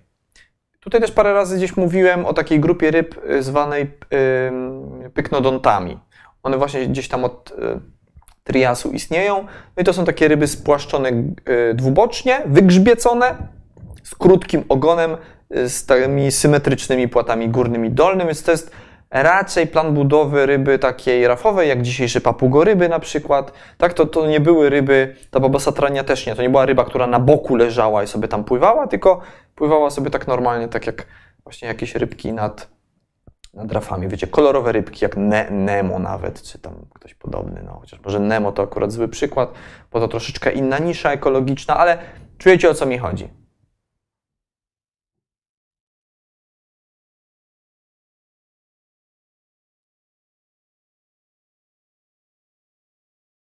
Który sposób pływania gadzi czy ssaczy jest bardziej preferowany z punktu widzenia ewolucji? Piotr G. Żaden. Albo oba. Y, to zależy, znaczy żaden nie jest bardziej preferowany. To zależy od planu budowy lądowych przodków. Bo dlaczego właśnie, dlaczego gady mają, na przykład ichtiozaury miały płetwę pionową, a dlaczego walenie mają poziomą? No dlatego, że gady, lądowi przodkowie gadów morskich, ichtiozaurów na przykład, mieli kończyny na boki. Tak jak pomyślcie o dzisiejszych krokodylach albo o jaszczurce zwykłej z wince, no to ona ma łapy na boki. Co jak chodzi po lądzie, to się tak śmiesznie gibie z boku na bok, nie? Więc kręgosłup już tam się wygina z boku na bok, więc łatwiej było ewolucji w przypadku gadów stworzyć pionową płetwę ogonową, no bo już kręgosłup jak się gibał z boku na bok, no to wystarczyło wykorzystać ten ruch kręgosłupa. Lądowi przodkowie waleni, ssaki, tak jak dzisiejsze ssaki lądowe, psy, koty, konie, krowy, nosorożce, cokolwiek, cokolwiek ze ssaków, mają kończyny pod tułowiem, a nie na boki. Więc jak chodzą, czy jak biegają, no to tak delikatnie ten kręgosłup wykonuje taki ruch góra-dół, góra-dół. Jak ktoś jeździł konno, no to wie o czym mówię. E, Więc łatwiej było ewolucji w przypadku waleni stworzyć poziomą płetwę ogonową, żeby wykorzystać już istniejący pionowy ruch kręgosłupa. I tyle. Ewolucja rzeźbi w tym, co ma.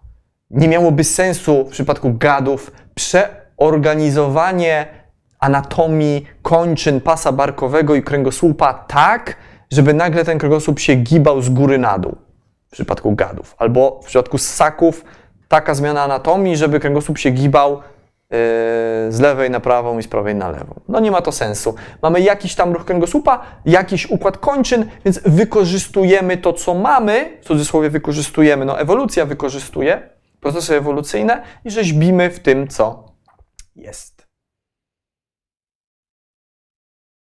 Natomiast z punktu widzenia, tak jak mówię, jakby no na przykład prędkości, zwrotności, samej takiej mechaniki pływania, to w, w gruncie rzeczy nie ma znaczenia, czy ta płetwa będzie pozioma, czy, yy, czy, czy pionowa. Czyli w czasie masowego wymierania to może czy ocean jest bezpieczniejszym środowiskiem niż ląd, kawa z mlekiem. To zależy jakiego masowego wymierania. Yy, Były takie wymierania, które dotykały tylko morza. Wymieranie dewońskie, wymieranie ordowickie. E, Wiecie, w morzach jest dużo więcej życia generalnie niż na lądach, więc e, zwykle jednak te morza no też bardzo cierpią. E, Nie ma takiej reguły. To też zależy od rodzaju wymierania. Też zależy od rodzaju wymierania. Niekiedy te wymierania, jak na przykład w Dewonie, były bardzo przywiązane do konkretnych środowisk. Tam chodziło o takie płytkie środowiska e, węglanowe. I to one jak najbardziej ucierpiały. Ale myślę, że takiej reguły nie ma, czy bezpieczniej morze, czy ocean, czy ląd.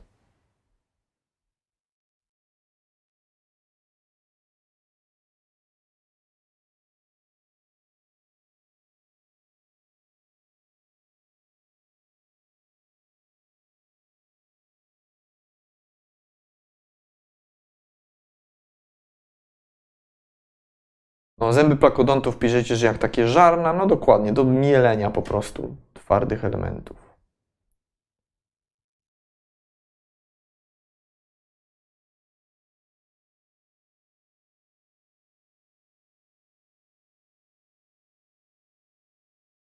Pancerz pierwszych żółwi składał się ze zmodyfikowanych żeber. Maciej Hara. Tak jest. To są pancerze żółwia, to są żeberka po prostu poszerzone. Ale słychać, że w tej chyba Italiano części Szwajcarii kawa z mlekiem. Monte San Giorgio, no przyznam się wam, że nie wiem, który to kanton, ale faktycznie nazwa brzmi tak, wiecie, Mariano Italiano, Monte San Giorgio, Mariano Italiano, także pewnie tak. To jest chyba tak, to jest chyba na południu Szwajcarii.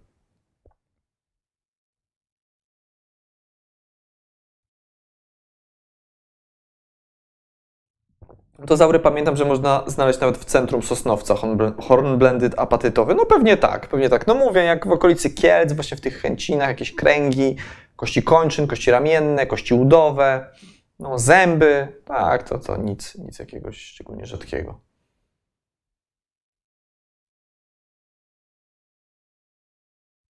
Czy durofagi połykały te kawałki muszli itp. po zgryzieniu razem z mięsem, czy wypluwały? Dominika Krupińska. Durofagi raczej mielą to i zjadają. Po prostu dlatego no, zgniatają, rozdrabniają to na taki, takie drobne elementy i połykają. No to zaury takie gadzie wydry. O trochę tak, troszeczkę takie te, myślę, że te mniejsze, te pachy pleurozaury, to takie były gadzie wydry. Triasowe wydry.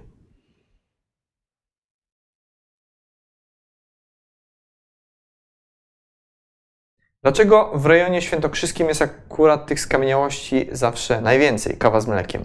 Myślę, że to pytanie zasługuje na odpowiedź w formie całego wykładu. Co wy na to? Ale to byłoby ciekawe zrobić taki cały wykład o górach świętokrzyskich, o ich budowie geologicznej, w jakim regionie, jakiego wieku skały. Hmm, dajcie znać. Dajcie znać. Niedługo już sobie będziemy przechodzić do tego obiecanego niedawno serii o wykładach o konkretnych państwach, czy jakichś konkretnych regionach świata, więc myślę, że właśnie o górach świętokrzyskich sobie powiemy. To może nie będę teraz odpowiadał, tam sobie szerzej odpowiemy na to pytanie. Dajcie znać, czy chcecie o górach świętokrzyskich wykładzik.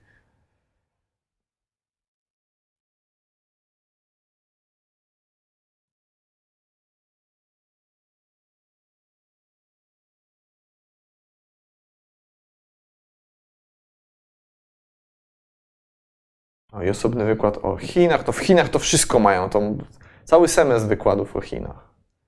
Ale tak, tak, na pewno zrobimy w końcu o Chinach.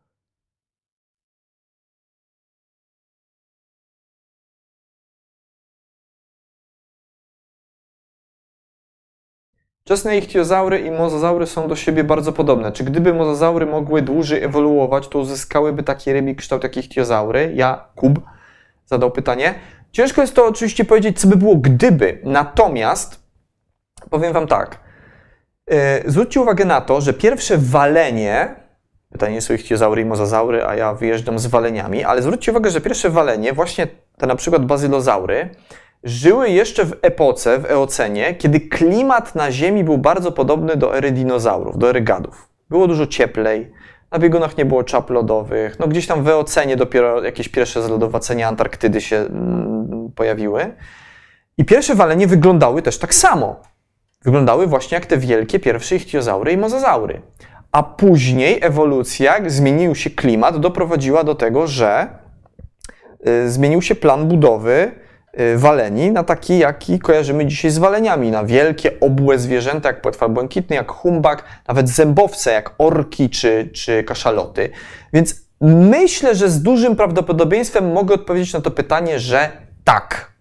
Że jeżeli by mozazaury miały więcej czasu i nie było wymierania kredowego i zaszłyby tak samo zmiany klimatu, jak zaszły w eocenie, czyli w kierunku zimnym, w kierunku takiego klimatu, jak mamy dzisiaj, to jeżeli mozazaury by nie wyginęły wtedy całkowicie, bo też jest taka szansa, żeby się po prostu nie przystosowały, ale zakładając, żeby przetrwały i ewoluowały dalej, to patrząc na walenie, które zajęły miejsce po mozazaurach, wszystko wskazuje na to, że z mozazaurami stałoby się coś bardzo podobnego. O, taka ewolucja e, spekulatywna.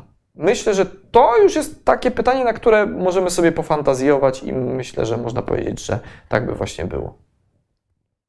Szonizaur to też triasowy ichtiozaur, tak jest, ale taki, no taki dosyć sztampowy, więc ja nie chciałem o tych sztampowych rodzajach dzisiaj opowiadać. Czy ta szybsza ewolucja ichtiozaurów może mieć coś wspólnego z krótszym cyklem życiowym niż w przypadku waleni? Katarzyna Zielińska. Myślę, że jednak nie. Myślę, że tutaj, tutaj już my do końca nie wiemy, jak wyglądał cykl życiowy ichtiozaurów. Też tak po prawdzie. Ale myślę, że tutaj na pokarm należy stawiać. 30 lat kredytu to bardzo dużo. No tak, 3 miliony lat kredytu to by było. Matko Boska. Ale ichtiozaury nie dotrwały do końca ery mezozoicznej, bo wyginęły w połowie kredy. Wtedy przez mozazaury zostały zastąpione. Więc może to taki był kredyt ewolucyjny, że one bardzo szybko stworzyły wielkie formy, żeby nie dotrwać do końca kredy. Coś za coś, wiecie. Zresztą no już po triasie, po wymieraniu triasowym ichtiozaury zostały mocno przetrzebione i chociaż przetrwały, to można powiedzieć, że wymieranie triasowe było dla ichtiozaurów takim, jak to się ładnie mówi w biologii ewolucyjnej, że to był bottleneck efekt, efekt butelkowy, czy po polsku się mówi efekt wąskiego gardła. W triasie były właśnie niesłychanie różnorodne, były wielkie, małe, średnie, takie, siakie, owakie, bo były też i durofagi, byli generaliści, bardzo różni, Mamy wielkie wymieranie pod koniec triasu. Ichtiozaury bardzo na tym ucierpiały i przetrwali wśród tych ichtiozaurów do triasu w zasadzie średniej wielkości generaliści. Tam czasami tu i ówdzie pojawiały się jakieś większe formy jak temnodontozaury, czy niektóre, nie wiem, platypterygius, taki kredowy rodzaj, też całkiem spory, do, nie wiem, 7 metrów mógł dorastać. Ale generalnie plan budowy był już bardzo podobny u nich, więc można powiedzieć, że ichtiozaury właśnie przeżyły pod koniec triasu, na przełomie triasu i jury, taki efekt wąskiego E, gardła.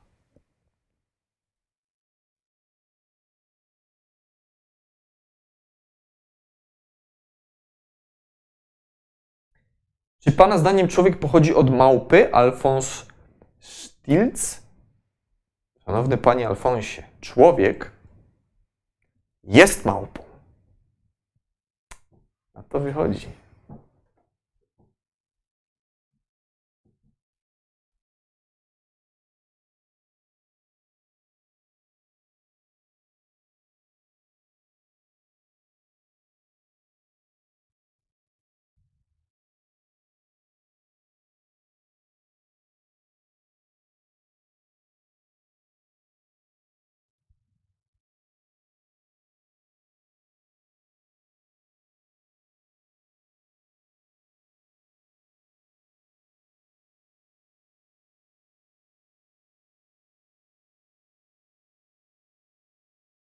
Czy ta spirala, o której wspomniałem, była zbliżona wyglądem, naukowo TV pyta, yy, ta spirala Fadenii triasowej wyglądem była zbliżona, chociaż już nie tak duża, nie tak powiedzmy rozbudowana. To była taka mniejsza, ale tak, no wyglądem, morfologią była zbliżona do tych form karbońsko-peremskich, jak jakiś tam Edestus, czy, czy ten taki właśnie generyczny Helicoprion. Yy, No tak, bo to bardzo, bardzo podobne ryby były.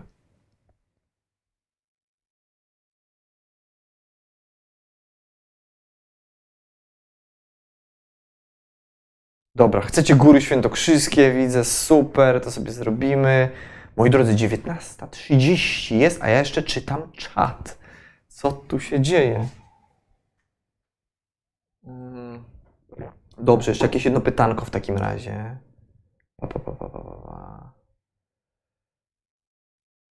Te dziury pod chęcinami to można jakieś namiary GPS. Oj, namiarów GPS to nie, to, to, to nie znam.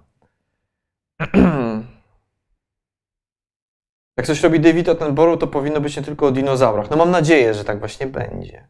Ciekawe, kto będzie w polskiej wersji językowej tam czytał. Czy, czy Krystyna Czubówna będzie czytała? I czy będzie polska wersja językowa? Bo to chyba na jabłku wychodzi, nie?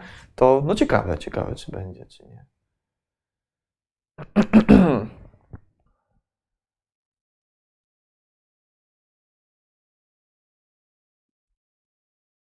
Jak ocenia Pan uprawianie nauki w Polsce? Paruwa, paruwa. Nie najlepiej. Nie najlepiej, moi drodzy. Jeden wykład na Góry Świętokrzyskie to może być mało. Tak, ale ja myślałem o takim wykładzie ogólnie o ich budowie geologicznej, jakimś takim podziale na regiony, na to jakie skały, jakiego wieku, gdzie, a nie o samej powiedzmy historii naturalnej tych gór i, i, i stanowiskach paleontologicznych, ale no, trochę się zgodzę jednak, trochę pewnie jeden wykład to za mało. A, pa, pa, pa. Dobrze, moi drodzy, słuchajcie, 19.32. Dobra, bardzo Wam dziękuję. Więc będą Góry Świętokrzyskie za jakiś czas, a tymczasem za tydzień zapraszam na obiecany wykład o Ukrainie, czyli zobaczymy sobie historię naturalną Ukrainy. No może nie całą historię, ale y, już mam przygotowanych kilka dla Was takich najciekawszych stanowisk paleontologicznych y, Ukrainy. Y, Będą akcenty polskie również, jak się okazuje, i to nie jeden taki akcent, więc zapraszam za tydzień. Zaczynamy nasz nowy cykl w ramach naszych środowych spotkań, czyli historia naturalna i tu wkleić nazwę państwa czy regionu. Zaczniemy właśnie od naszych sąsiadów, czyli od Ukrainy. Zapraszam za tydzień. Wszyscy, którzy dotrwali do tej pory, niech piszą tradycyjnie dzieje ziemi. No i widzimy się za tydzień. Dziękuję Wam pięknie. Ja się nazywam Daniel Tyborowski, a to były środowe spotkania z dziejami ziemi. Cześć, papa. Pa.